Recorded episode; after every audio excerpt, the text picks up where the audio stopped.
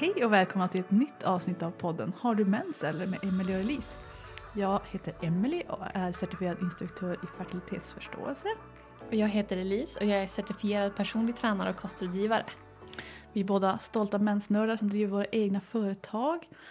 Och det här är andra delen av vårt avsnitt om sekret. Det blev lite för långt så vi, vi fick lov att dela Till upp vår det. förvåning. Ja, verkligen. Men det är Mm. ett stort ämne. Så ni får helt enkelt lyssna på fortsättningen nu. Mm. Sen fick jag en jättespännande fråga som jag tänker att den här, jag blev superpeppad. För det här är någonting som jag snackar med alla mina klienter om Mm. och försöker vara väldigt tydlig med. Den här personen frågade, har man fått ägglossning ifall man hittar en alltså peak day, sin sekrettopp, men får ett tempskifte några dagar efteråt? Vad kan man säga att man faktiskt haft ägglossning då? Och när var ägglossningen? Mm. Och det första som jag vill säga är att har man en sekrettopp men inget tempskifte, eller man kanske inte ens tar temperatur. Eh, med Billings så har de regler för det. De har ju, det är ju bara en sekretmetod då. De har regler för att bekräfta ägglossning utan temperatur. Det är inget som jag kan, jag vet inte hur man gör det. Eh, I symptotermala metoder så måste du ha ett tempskifte också, annars vet du inte. Det var Mm. en, en alltså det kan ju vara att du, du för kroppen försöker ägglossa men inte lyckas. Jag kan ju tala av egna erfarenheter, jag som har haft väldigt långa cyklar och i det att kroppen försöker ägglossa. För att jag har alltid haft ägglossning varje cykel men jag har väldigt långa cyklar. Mm. Och eh, jag får ju så här nära peak day och Mm. så försvinner det. Och så kommer nära peak day Mm. och så försvinner det. Men jag får ingen liksom, tempskifte. Nej. Så om jag skulle ha gått efter den metoden så skulle jag ha blivit gravid typ. Men för en symptotermal metod eh, bygger ju på den här kombinationen. Och det finns inte nog många regler runt sekret för att kunna göra det. Eh, Så det är ju därför. Mm. Jag, jag kan inte heller göra det. Men det är ju vanligt att man ser sådana här sekretmässigt ändras som att det är mot ägglossning men sen så går det tillbaks igen. Så kommer Ja. det upp igen så går det ner igen. Det är jag. Det har jag Ja, ja precis. Så det är ju det är inte ovanligt och beroende på metod så måste man klura på det liksom. Mm. Men då är det ju oftast att, eller vad jag, som sagt nu pratar jag från egna erfarenheter. Men då jag har fått sån här nära peak då går det ju tillbaka till fortfarande fertilt sekret. Men det, det liksom bara fortsätter och fortsätter. Och Mm. sen när jag väl kan bekräfta ägglossning med ett tempskifte. Mm. För det är ju det enda sättet du kan bekräfta ägglossning. Du kan inte riktigt bekräfta det med så här LH-stickor heller. Nej, eller alltså det är ju symptohormonella metoder och Mm. sekretmetoder, de gör ju det. De har Utan väl progesteron. Ja, en del använder progesteronstickor också, Ja. absolut. Det, det är ju bra. Då, då blir det ju en... en det blir ju lite liksom- mer säkert. Alltså jag vet inte, jag tänker att man jag är ju i det mindsetet Ja. att man måste ha temperatur för att bekräfta ägglossningen. Och, men de har ju väldigt strikta regler. Ja, det är det jag tänker, att vi kan ju inte de jag reglerna. Inte, nej, exakt. Så man, man, man kan göra det också. Men temperatur är ett väldigt enkelt sätt att göra det på. Och billigt. Ja, absolut. Billigt är det också. För annars måste man ju köpa massa stickor. Ja. Och testa hela tiden. Och det känns, alltså ärligt talat, jag är för lat för att göra det. Ja. det är så här, ibland kan jag så här bekräfta, eller inte bekräfta men att ta hjälp av en Mm. LH-sticka bara för att se att mm, är jag Det är nära lite nu? kul. Mm, också. Det är Men- jättekul. Ja, en del tycker också att ja, men ta sin temp varje dag är också världens största commitment. Så att Mm. ja, man är olika, man måste hitta något som funkar för sig. Mm, jo, precis. Men jag tyckte det var spännande här med att om själva då den här sekrettoppen eller peak day, om den skiljer sig från temperaturskiftet, vad det kan bero på och när man vet när ägglossningen är. För det, ofta så hänger de ju väldigt nära överens. Den här, ja men sista dagen med sitt mest fertila sekret Mm. och när temperaturen ökar. Alltså att det skiljer någon dag, inga problem, inget konstigt, jättevanligt. Men alla såklart sådana här skolboksexempel som man ser på nätet, de Mm. är ju alltid på samma dag. Eh, Men börjar de skilja sig många dagar så eh, antingen kan det ha något med liksom hur du kartlägger och observerar. Du kanske liksom måste justera hur du gör det. Du kanske liksom missar några Mm. eh, sekretdagar. Det är också vanligt efter man går av hormonella preventivmedel till exempel. Mm. Eller efter förlossningar och sånt. Att det kan, det finns liksom en diff mellan Mm. de två biomarkörerna då. Så det är värt att tänka på så. Intressant. Men det brukar liksom justera till sig sen efter, ja, det kan ju ta ganska lång tid med hormonella preventivmedel till exempel. Upp till Mm. ett år och två ibland. Jag tänker också att just eh, och hur vet man vars ägglossningen är att Mm. det jag tänker på det är att du behöver inte riktigt veta på Nej. dagen Nej, vilken, Bra poäng. eh, ja, men när du har ägglossning för gör du den metoden som vi gör i alla fall. Mm. Nu säger jag att vi gör dubbelcheckmetoden. Ja, men metoder gör vi absolut. Då har du ändå en buffer Ja. med i alla fall en vecka innan ägglossning eh, som är liksom skyddad. Mm. Så då spelar det egentligen Alltså ägglossningen hamnar ju i den fertila Ja, fasen precis. eller fönstret. Det är det som är poängen med den. Eh, så gör du rätt så gör du det. Då spelar det ingen roll exakt när den är. nej. Det kan ju vara kul att veta dock. Mm. Men, viktigt, man kan inte veta med sekret och temperatur exakt vilken dag man har ägglossning. Mm. Du måste göra ultraljud för att ta reda på det. Mm. Alltså det går inte. Det är liksom det vi pratar om är sekundära markörer. Och de kan bekräfta att du haft ägglossning och ungefär när den var men den kan aldrig säga exakt vilken dag. Mm. Så det är alltid sannolikheter. Så jag har en tabell här med sannolikheter. Oh. Ja, värsta kul. Så då har vi alltså hur sannolikt är det att ägglossningen skedde i förhållande till tempökningen. Då har vi högst chans tre dagar, eller det är väldigt lika, fyra, tre och två dagar innan ligger det runt mellan 20 och 25 procent chans. Mm. Ehm, och sen en dag innan 10 procent. Dagen på tempskiftet 1 procent. En dag efter är det också, kan du också ha ägglossning. Ehm, men två dagar efter är det 0 procent. Ja. Så det är därför vi har den här plus tre regeln. Att man räknar tre höga temperaturer. För har du haft tre, då är det helt plötsligt 0 procent chans att du kan vara gravid. Så där den regeln kommer ifrån. Då har det man är ju coolt. haft, gjort studier på kvinnor, som, eller kvinnor, ägglossande människor som har tempat och blivit gravida i jämförelse. Eller så, de kanske inte blir gravida. Förlåt, jag tar tillbaks det. De har åtminstone gjort ultraljud, alltså kollat Mm. exakt när ägglossningen är, så kollar man det, hur mycket skiljer det sig. Och sen har vi ju då, om man tänker när i förhållande till sekrettoppen eller peak day är ägglossningen. Och då ligger det också sådär upp till tre dagar efter har du 0,0 0,5 procent chans. Och så ökar det liksom till två dagar innan är det 20 procent chans. Mm. Och sen minskar det åt andra hållet då. Så du har liksom där sex dagar innan. Så det finns ju ett, det är ett, ett spann. Ja. Du kan ju säga mest troligt har du haft ägglossning.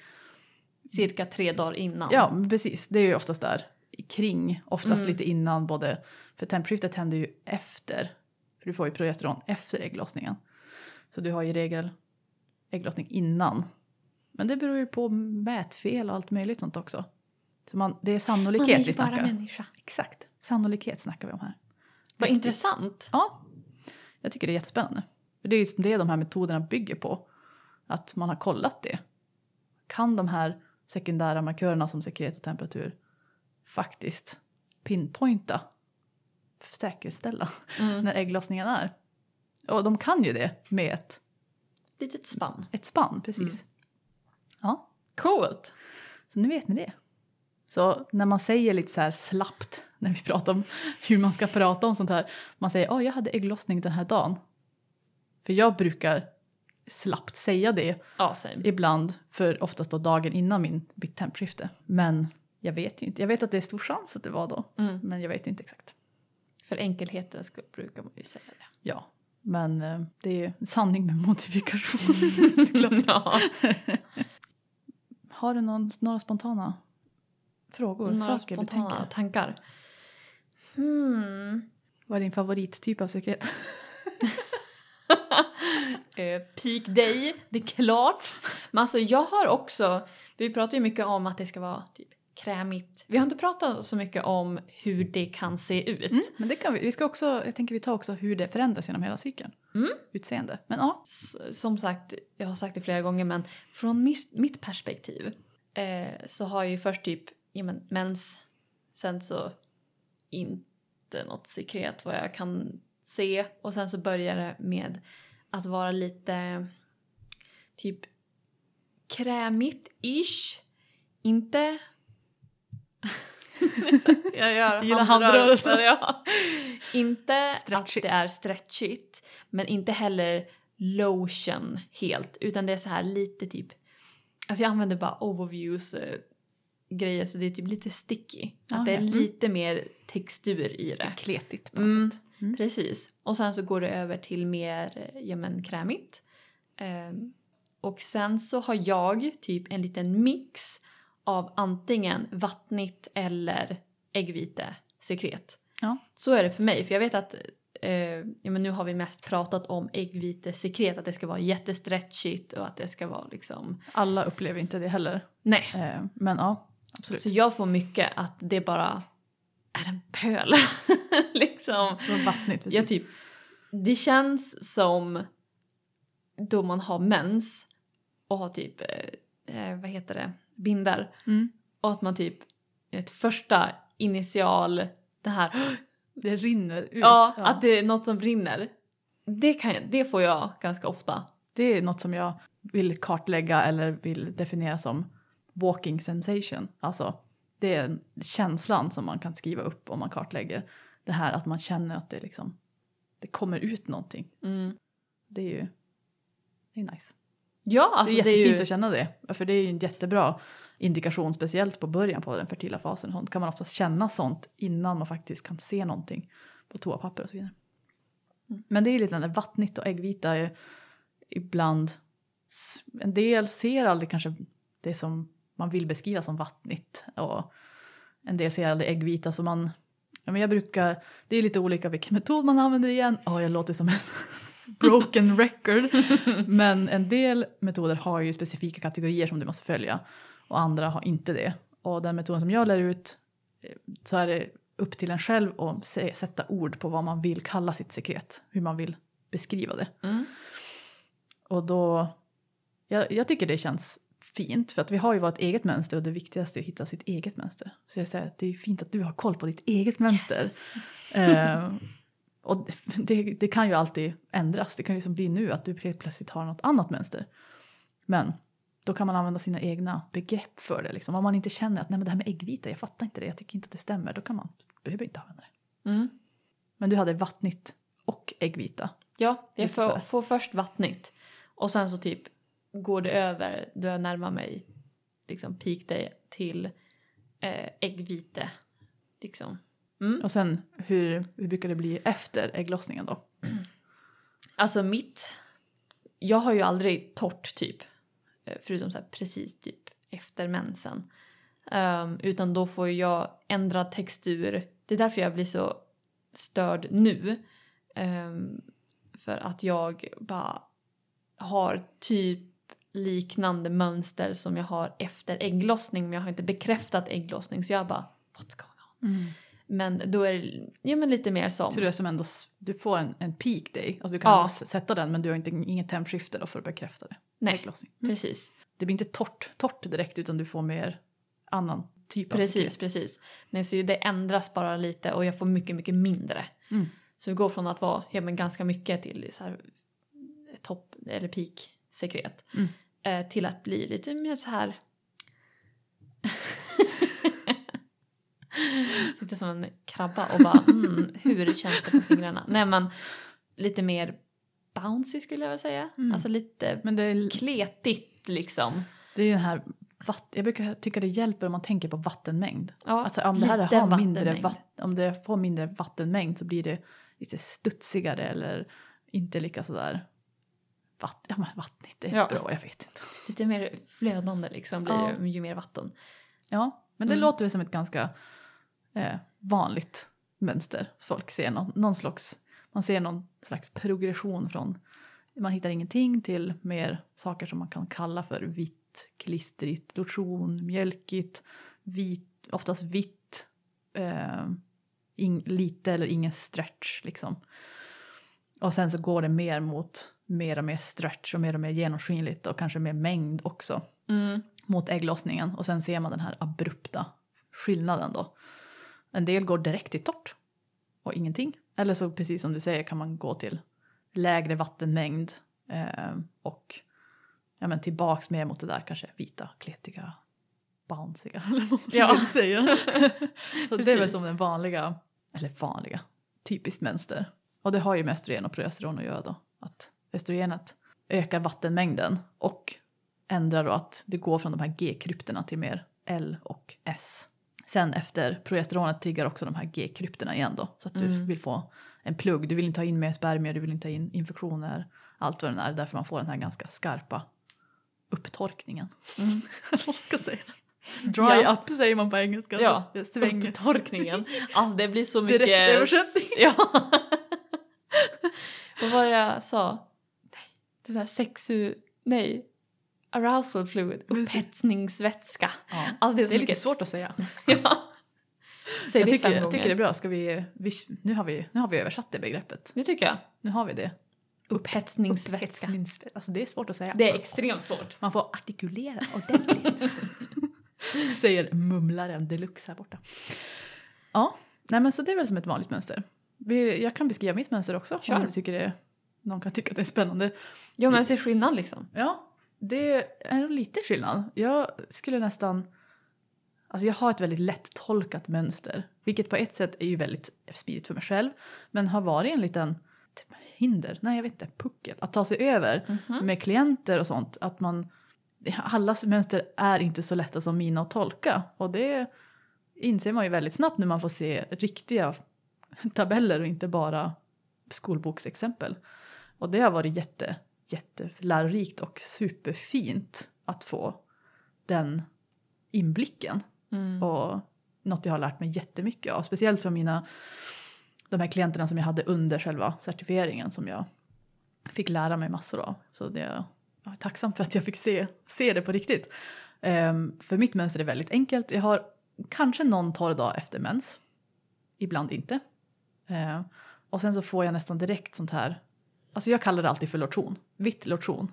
Mm. Det är liksom, jag skulle inte säga att det är som hudkräm egentligen för det är inte helt vitt vitt eller vad man ska säga och inte stretchigt utan det är väl mer som någon slags mjölkigt klet. Jag vet inte. Mhm. Och det är oftast bara så, alltså det är som en typ. Mm. Det är liksom mitt, eh, om man nu ska använda FAM-språk, A-peak, A-topp-sekret. För det finns ju som olika kategorier av sekret när man kartlägger.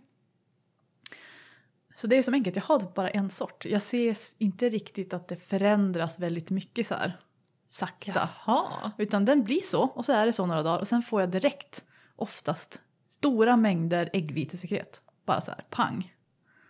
Och sen håller det i sig i typ fem dagar. Och sen så blir det direkt till den här vita lotionen som jag brukar kalla det igen. Så det är väldigt så här. väldigt lättolkat skulle jag vilja säga då också. Gud vad smidigt. Ja, ja men det är jättesmidigt och jag vet inte liksom varför. Det är som att mina, alla mina S-kryptor de bara puttrar igång samtidigt och bara nu jävlar ska vi göra sekret. Det är ingen så här, ja men vill du börja arbeta med det här nu? Ja okej så kan du börja imorgon. Utan alla bara, Verkligen. Um, men ja, nej men så det är olika. Man kan, det är svårt att säga att det ska vara på ett visst sätt och det här är normalt eller det måste vara så här och så vidare. Utan det handlar ju alltid om att hitta sitt eget mönster. Det är därför det är lite farligt, eller farligt, men att försöka lära sig på sådana här väldigt diffusa Instagram-inlägg om hur det borde vara och sånt där. Man kan ju lätt få bilden av att alla ska ha liksom, du vet, för de enda bilderna som folk lägger ut på sekret är ju sådana här flödande bilder på äggvitesekret. Mhm. Tänker man att det kanske, ja man kanske inte har så eller man, ja, vet inte. Det är knepigt Mm. ändå. Jag tycker ändå bra att vi har olika erfarenheter. Men Mm. ett, när vi snackar om typ menscykel och sådär. Du har typ regelbunden menscykel, så här drömmars menscykel enligt mig. och jag har bara, var är den någonstans? Hur är den? Jag vet inte. Det är liksom, och det är så bra tycker jag. Och du också ja, men har ett ganska enkelt mönster jämfört med typ Men att se skillnaden att vi båda är inom samma område, vi båda använder samma metod. Det funkar gör, ändå. det funkar ändå. Vi gör det liksom vi har anpassat det efter våra egna kroppar Mm. och hur våra kroppar ger signaler. Det är som hitta sitt eget mönster. Mm. Jag säger det igen. hitta sitt eget mönster som är nyckeln. Mm. Oberoende, eller inte helt oberoende, men ja, i princip. Mm. om hur, hur det ser ut. Ja, men då har vi som hur det förändras. Vi har en fråga, varför ska man kartlägga det? Det känns som, Sekret. ja, det känns som en, Känns som att... all- ja. måste vi säga det? Har vi inte övertygat er ännu så har vi misslyckats. ja, verkligen. Nej men det är ju, det är ju bara, jag vet inte vad jag ska säga, bara ja. Nej men bo, alltså det är ju, Om du inte är helt övertygad om vad vi har sagt hittills så kan vi säga att det är roligt också. det är kul. Men det är också så här, både för häls, alltså för, som en hälsomarkör, för om du vill bli gravid, om du undvika graviditet. Alltså det är verkligen nyckelmarkören. Mm, verkligen. Så det, är bara, det finns Ja. ingen anledning att inte göra det. Det är bara att se på mig nu när ja, men jag typ inte har något sekret. För att troligtvis, nu när vi tänker på det, stress gör ju extremt mycket med Mm. mängd. Absolut. Eh, Och jag har jättelätt lätt stressad kropp. Plus antihistaminer. Ja. Är säkert en one-bow combo för att man ska få lite sekret. Och det är ju bara att se på mig nu. Mm. Förvirrad, rädd, ensam på att säga. Men, Ja, men, det är ja. också så här, du, har, du, du får den kunskapen och du behöver inte vara orolig att du är gravid eller för att eh, din mens är sen och du liksom har ändå den insikten. Mm. Det är fantastiskt. Helt otroligt. Ja, jag, jag tycker att det är lite spännande. Jag vet att en del som, det här är också ett sidospår, det blir många sidospår här nu. Men om man försöker bli gravid och så kartlägger man, alltså det kan kännas jobbigt att det blir för, alltså man, det blir för kontrollerande, man, det blir stressande. Mm. Eh, så en del slutar kartlägga när de ska försöka bli gravida. Vilket Ja. låter ju motsägelsefullt men du vet som den här grejen, vet, man försöker bli gravid, man blir inte det och direkt man slutar försöka så blir man det Mm. för att man minskar stress. Stress. Yes. Ehm, Vi måste ha ett helt avsnitt där vi bara snackar stress. ja, absolut. Men jag tänker att när man har gjort det här så många år, även om jag skulle sluta skriva ner det, även om jag skulle sluta liksom kartlägga, så kan jag inte stänga av min hjärna för att leta sekret. Jag kan ju sluta tempa, det är ju enkelt. Mm. Men jag kommer alltid veta ungefär när jag är fertil, eller ungefär ändå, Mm. och mest troligtvis om jag haft ägglossning eller inte. Om det följer mitt vanliga mönster kommer jag ju anta det, och det kommer jag aldrig inte kunna se. Alltså jag Mm. kommer inte kunna stänga av det.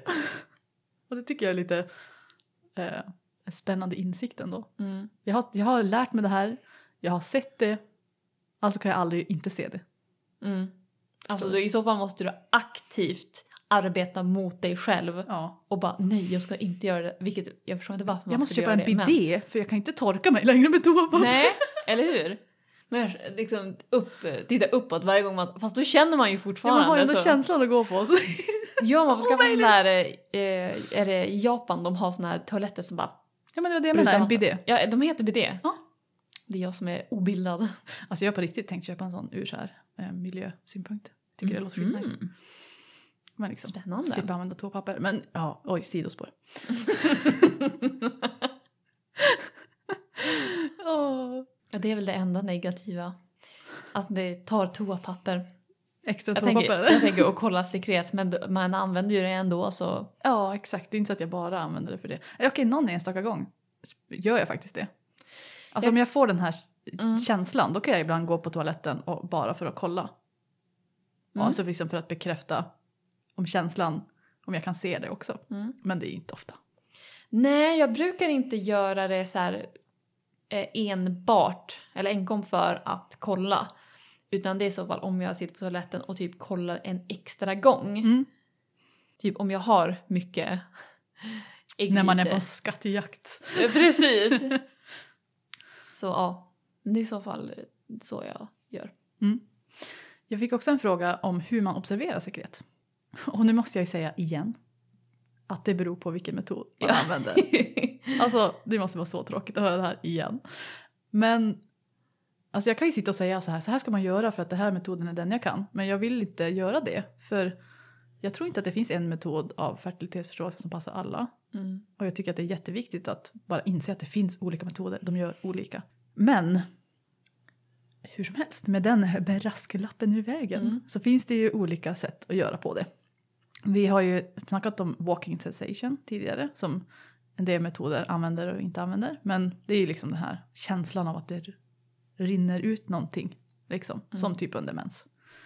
Men man pratar ju också om wiping sensation. Och det är ju alltså hela toapapper. Ja, det är det vi snackar om mest typ. Ja, den metoden som, som jag lär ut är baserad på den. Justis är väldigt fokuserad på det också. Och då är det ju känslan när man använder toapappret, när man liksom drar det, speciellt över mellangården. För det är ju där man fångar upp sekret liksom precis i slidan och sen så drar man den längre bak, då har man ju som en hudyta där, Mm. alltså med massa fina nervceller. Heter det så? Känsloreceptorer. Ja. Och sen att man då i nästa steg kollar på toapappret och fingertestar och liksom, vad har det för färg, stretchighet och så vidare. Mm. Så det är väl det man kallar för externa observationer. Men sen så finns det också interna observationer, att man faktiskt plockar upp sekret från cervix Mm. eller från insidan. Och jag vet att Take Charge of Your Fertility i boken eh, nämner det. Men som jag förstår det så finns det ingen metod som bygger på det eller det finns ingen, vad jag vet, forskning som stödjer interna observationer. Och det kan vara ganska knepigt för att du Mm. får ju då med allting som vi nu kallar flytningar tidigare när du gör det. Ja, alltså vaginan och sliten är ju fuktig Den är i aldrig sig, torr, liksom. precis. Så det är lite, kan vara lite problematiskt. Många som då vill, man kan ju också kolla cervixposition som en del. Ja, det Som gjorde jag mycket i början. Ja. Och eh, det är intressant ändå. För att Absolut. den ändras väldigt mycket och så finns det, ja men Taking Charge of Your Fertility Mm. tar ju upp mycket det hur den, hur den känns. Mm. Vissa gånger ska den vara typ då den är icke-fertil. Det är som att känna på sin nästopp. I liksom mjuk hårdhet. Ja. Ja. Eh, medans man känner att om man närmar sig ägglossning då blir den typ jättemjuk och bara gosig och den öppnar upp sig. Mm. Så det är jättehäftigt. Jag gör det inte nu längre. läppen i Mm. mjukhet. Brukar man. Precis. Ja, och den följer ju precis som sekretet, östrogenet, med att precis den, den ändrar position, den blir mjukare och den, det, liksom hålet in till livmodern öppnas också. Mm. Och det kan man känna. Och det kan vara ett jättebra tecken att använda liksom, i kombination eller om man har någon infektion eller något annat som stör sekret så kan man använda cervixposition istället. Om man än inte tar det och använder det i sin fertilitetsmetod så är det jättehäftigt bara göra det då och då för att typ jag tänker lite mer empowerment, att Mm. lära känna sin egen, alltså bokstavligt talat känna Ja. sin egen kropp. Ja. Okej, vad är?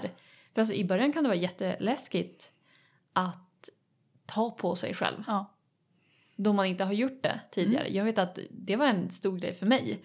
Att det, var, det kändes så underligt att, det skulle, att jag skulle ta på mig själv. Om du Ja. förstår vad jag menar. Ja. Men ta på liksom cervix. Men det är jättehäftigt när man bara wow, alltså min kropp gör det här Mm. och den liksom om man verkligen känner att den öppnar upp sig och sen så stänger den. Mm. Och så bara... ja, nej, det är jättefränt. Mm. Och jag håller med. Och en del tycker att det är läskigt, alltså så här, något som tar emot lite grann och använder det som tecken. Så det är inget, till exempel i eh, de symptotermala metoderna är det inget måste, man måste inte göra det om man tycker att det, man inte vill det av någon anledning. Men man kan göra det och det kan vara spännande som du Mm. säger. Ehm, men en del då som gör det, ofta så får du ju någonting på fingrarna efter du gör det. Och att man då faktiskt kartlägger det, skriver ner det. Ehm, en del vill använda interna observationer för att de känner sig otrygga med att jag kommer inte, jag kommer inte hitta det jag ska hitta Mm. med toapapper eller externt. Jag måste kolla in, jag har för lite mängd eller vad det nu Det är kan väl vara. typ det jag känner att jag kanske får inkludera nu när jag har så pass eh, lite. Ja, nej, don't do it. nej, alltså jag skulle inte säga att det är fel att göra det. Eh, men det är inget som jag och många andra instruktörer rekommenderar. Mm. För att det kan, det är lätt att till exempel tro att sån här, det här, de här döda cellerna, cell, Jag tänker misstolka. ja precis, man kan få mycket mer dagar med fertilsekret än, än vad som faktiskt stämmer. Mm. Eller vad som metoderna är byggda på och så vidare. Jag tänkte mer känna luriga. på livmodertappen. Jaha, det Ja, var det jag ja det, det är det bara att köra på. ja, nej, Men för- intern observation och sekret menar jag. Mm. Ja, nej jag tycker det känns krångligt. Ja. För mig i alla fall. Det känns... Jag skulle inte kunna lita på det riktigt. Nej, för om man då vill kolla sin eh, eh, livmodertapp så det man gör då är att man inte skriver ner det man skulle råka hitta på fingrarna sen. Mm. Utan man bara Man bara, det. det går på hur livmodertappen känns. Ja, ja precis. Och man, I hårdhet och mjukhet. sekretobservationer har inget med det att göra. Mm. Nej, det är så jag gjorde långt, långt tidigare så här, i början när jag körde. Ja. Ja, men så då, för en sak som jag tycker är jättespännande som jag tror att kanske inte jättemånga vet är att det finns eh, något som heter Shaws fickor som Mhm. sitter precis i slidöppningen. Och de startas av progesteron. Så de, det, det är därför man får den här upptorkningen. Det är därför peak day och sekrettoppen är så bra tecken. För när progesteron ökar då startar de och de alltså torkar, det som kommer ner i slidan mot slidöppningen det fångar de upp där. Så det är därför man får en så tydlig torr känsla. Wow! Så att de, alltså, och det tappar du ju om du gör intern observation för då går du ju förbi dem, eller vad man ska Mm. säga. Eh, då får du inte den effekten. Så det är oftast lättare att hitta peak day när man, när man använder det externa. För att då, då har man hjälp av den där effekten. Så Coolt. Seans pockets eller Seans fickor på svenska. Aha. Så de är coola. De sitter där bredvid de här upphetsningsvätskekörtlarna som nu har motsatt Yes. effekt. Och kommer Mm. Ehm, ja, så det är väl hur man observerar det då, tänker jag. Mm. Ja. Man, det är viktigt att följa eh, rekommendationerna från den metoden man har valt. ja, Om man ska använda det som preventivmedel. och inte mixa. Precis. Ja. Vi har ju som gått igenom lite om Billings, alltså så här sekretmetoder och hur det liksom funkar i en symptotermal metod, vilken Mm. roll sekret har. Men jag tänker väl att det som är viktig skillnad är ju att man har ju två tecken, så det är ju alltid det är den här dubbelchecken som vi nämner hela tiden, som är fin, men man måste heller inte Alltså man kan, till exempel för att bekräfta ägglossning, kan man använda bara temperatur. Om du liksom precis har börjat och tycker det här med sekret är svårt, du kanske inte observerat det så liksom metodiskt eller vad det nu kan vara, så kan du använda bara temperatur för att bekräfta ägglossningen. Jag tänker Det också går jättebra. eh, om man just har kommit av preventivmedel. Ja.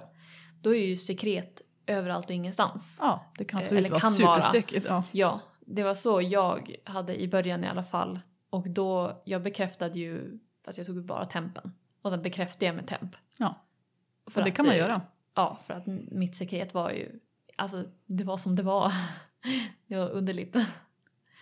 Ja, så det är ju som på ett sätt, på det sättet har ju det en, alltså jag skulle ändå säga att det är den viktigaste Mm. biomarkören. Ja, absolut. Men det har ändå en, på vissa sätt, sekundär funktion, eller vad man ska säga. Alltså Mm. det är okej om du inte alltid, eller speciellt i början eller av vilken anledning du kan vara, att den är lite wonky. Den. Mm. Ehm, det är tecknet där man ska säga. Så just i en symptotermal metod har man ju, man kan använda cervix istället, man kan bara använda temperatur. Du får ju dock, ha- har du, kan du inte observera, observera sekret av, vi har pratat för länge nu. Ehm, då, om man inte kan observera sekret av någon anledning kan man ju använda cervix men man, det är ju svårare beroende på ens avsikt att motivera att man kan ha oskyddat PIV, penis i vagina, sex under Mm. follikulärfasen. Lutealfasen, alltid grönt. Du kan använda temperatur, det funkar. Men när du inte kan öppna din fertila fas ordentligt så ska man se upp om man har väldigt om man är väldigt låg på avsitsskalan. Prosit boven. Inte bara jag som är pollenallergiker. Nej precis. Ja, nej men det var, det var mina frågor. Det var dina frågor. Har du några frågor? Kan vi allt om sekret nu? Nej, vi kan mycket. Vi kan mycket. Vi kan mycket jag. mer än vad vi gjorde, eller vad jag gjorde bara för några år sedan. Eller Ja, vad jag gud, önskar jag ja. hade vetat tidigare. Ja, verkligen. Nej men så, det hade varit kul att se en liten omformatering typ Mm. i eh, sexualundervisningen. Och vi har ändå ganska bra sexualundervisning tror jag här i Sverige. Vi har förstått det i alla fall. Eh, men det saknas fortfarande så mycket. Mm. Det Otroligt här mycket. är en del vi vill ha Mm. in där. Verkligen. Och att bara få, för det, ärligt talat så är det kroppskännedom Ja. i sin grund och botten. Om man inte använder det som eh, ja, men preventiv, eh, preventivmedel så kan du ju fortfarande se i ditt sekret, ja, men nu får jag min östrogenhöjning Mm. liksom och sen så fertilt, alltså tänker mer bristen på fertilt sekret säger ju en sak Mm. och ett överflöd av fertilt sekret säger ju en annan sak. Och det är liksom så coolt att kunna veta det om Det sin ger så kropp. mycket information. Ja, extremt häftigt tycker jag. Ja, nej men precis. Alltså, det här är ju relevant precis som du säger. Även om man inte vill bli gravid nu eller någonsin. Eller om man har något annat. Men man kanske tycker att kondom är världens bästa preventivmedel. Man behöver inte det här som preventivmedel. Så kan man, alltså kroppskännedom är ändå anledning, en tillräcklig anledning för att eh, typ lära sig mer om sådana här saker. Och lära ut sådana här saker till alla. Mm. Ja. Alltså jag började ju med den här metoden för att skydda mig från sex. Eller från Skydda- sex! från, från graviditet är det jag tänkte säga. Men nu i efterhand så skulle jag ju egentligen haft mer tanke på att vad ger det här mig själv? Mm. Jag tänker Alltså- att det är ett annat mindset. Det är något som man kanske Ja. inte tänker som första. Jag har också absolut, det var bara preventivmedel för mig. Mm. Jag bara yes, ett hormonfritt preventivmedel, det här låter jättefränt. Sen har det ju kommit sen med alla fördelarna typ. Ehm, Alltså att inte bli gravid, om man det, det är nu det man vill, är ju liksom bara en liten grej tycker jag. Mm. I det stora hela. ja. Ja, man får så mycket extra på köpet. Mm. Alltså det är inte, ja, visst du, du kanske tycker det är skittråkigt och då måste du ju inte göra det heller. Ehm, Men förhoppningsvis ni som lyssnar har något typ av intresse ja, precis. om det. Ja. Nej men ska vi eh, kanske ta våran tacksamhetsrunda? Vad tror du om det? sure thing. Det tycker jag. Ska, jag höll på att säga sekretexperten börja? Ja det vet jag inte. Eller ska den utan sekret börja? Jag med mitt förlödande sekret Mm. idag. jag kan börja. Jag... Ja det här är alltid lika svårt. Eftersom att jag aldrig förbereder mig för det. Ja, men jag skulle vilja säga att jag är tacksam för våran härliga sommarfeeling som vi har haft sista veckorna här. Uppe i Norrbotten och Västerbotten i alla fall. För jag hade min första, jag har min första shortsdag idag. Oh. Och det känns jättefint. Och jag är så peppad på sommaren.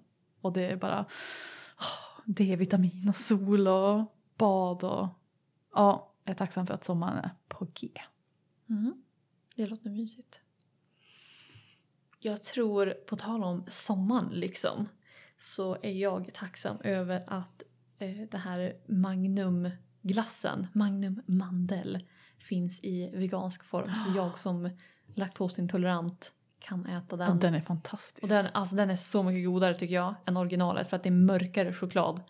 Åh, den är så god. Alltså jag vågade knappt, alltså jag blev typ lite orolig när jag åt den för jag bara den här är för god. Mm. det var sant. Men alltså den är extremt god. Jag brukar, eller brukar, jag har gjort det den här sommaren att jag köper i paket. Det blir lite billigare Mm, ja men det finns ju på Ica Mm. eller Coop och sånt. så jag har den hemma i frysen och jag saknar den nu. Jag tror jag ska köpa en sen. Mm, ja jag har inte haft min första glass än så det låter som att Va? Va? Chocken. Sommaren är typ över och du bara jag har inte haft min glass än. Nej nej nej den är inte över. Första shorts, äh, nu, det här, det här, du får steppa upp ditt game alltså. Jag får köpa en glass idag alltså. Ja, Annars så säger vi upp den här vänskapen. ja. ja, hårda bud. Nej, men Ja, ja, men jag, jag har det. haft eh, shorts, inte flera gånger, men jag har haft det en gång och så har jag haft kjol. Jag har njutit av Mm. sommaren och jag brukar aldrig njuta av sommaren så. Ja men glass och shorts det låter som bra saker att, Mm. att tänka på idag. Men annars så skulle vi vilja veta vad ni har för sekret idag. Nu har vi ju snackat om våra sekret alldeles för länge. Ja. Så ni får jättegärna skriva till oss på Instagram eh, på cykelklok eller hälsonöjd. Vad ni har för sekret. Eller mejla oss som vanligt. Om ni har några frågor eller vad ni vill veta mer. Alltså det här, vi får ju, vi kan göra hur många avsnitt som helst om det här. Ja, verkligen. Men eh, vi hoppas väl att det här var en, en ganska djupgående första intro kanske lite en underdrift. Ja, det jag tänkte. Mm, ja, lite. Genomgång. ja men precis, första genomgång och ja. Och det kommer ju Men det finnas skulle vara kul att eh, höra hur andras, eh, ja men som sagt, vad är ditt sekret idag? Men hur andras mönster ser ut. Mm. Om ni är ni mer som Emily eller är ni mer som mig, Elise? Eller kanske något helt annat. Mm. Mm. Det hade varit intressant att höra. Absolut, det låter jättebra. Nej men med, med det så tycker jag vi får wrap it up idag. Mhm. Och tacka så mycket för att ni har lyssnat. Och ni kan som vanligt boka rådgivning och handledning på våra hemsidor. Om ni vill lära er fertilitetsförståelse, symptotermal metod av mig. Eller på Elise hemsida kan ni hitta andra saker. Mm. Som kost och näring och hur man balanserar hormonerna i menscykeln. Precis. Strålande. Mm. Ja, nej men eh, vi hörs väl nästa gång då. Ja, Hej då! puss och kram!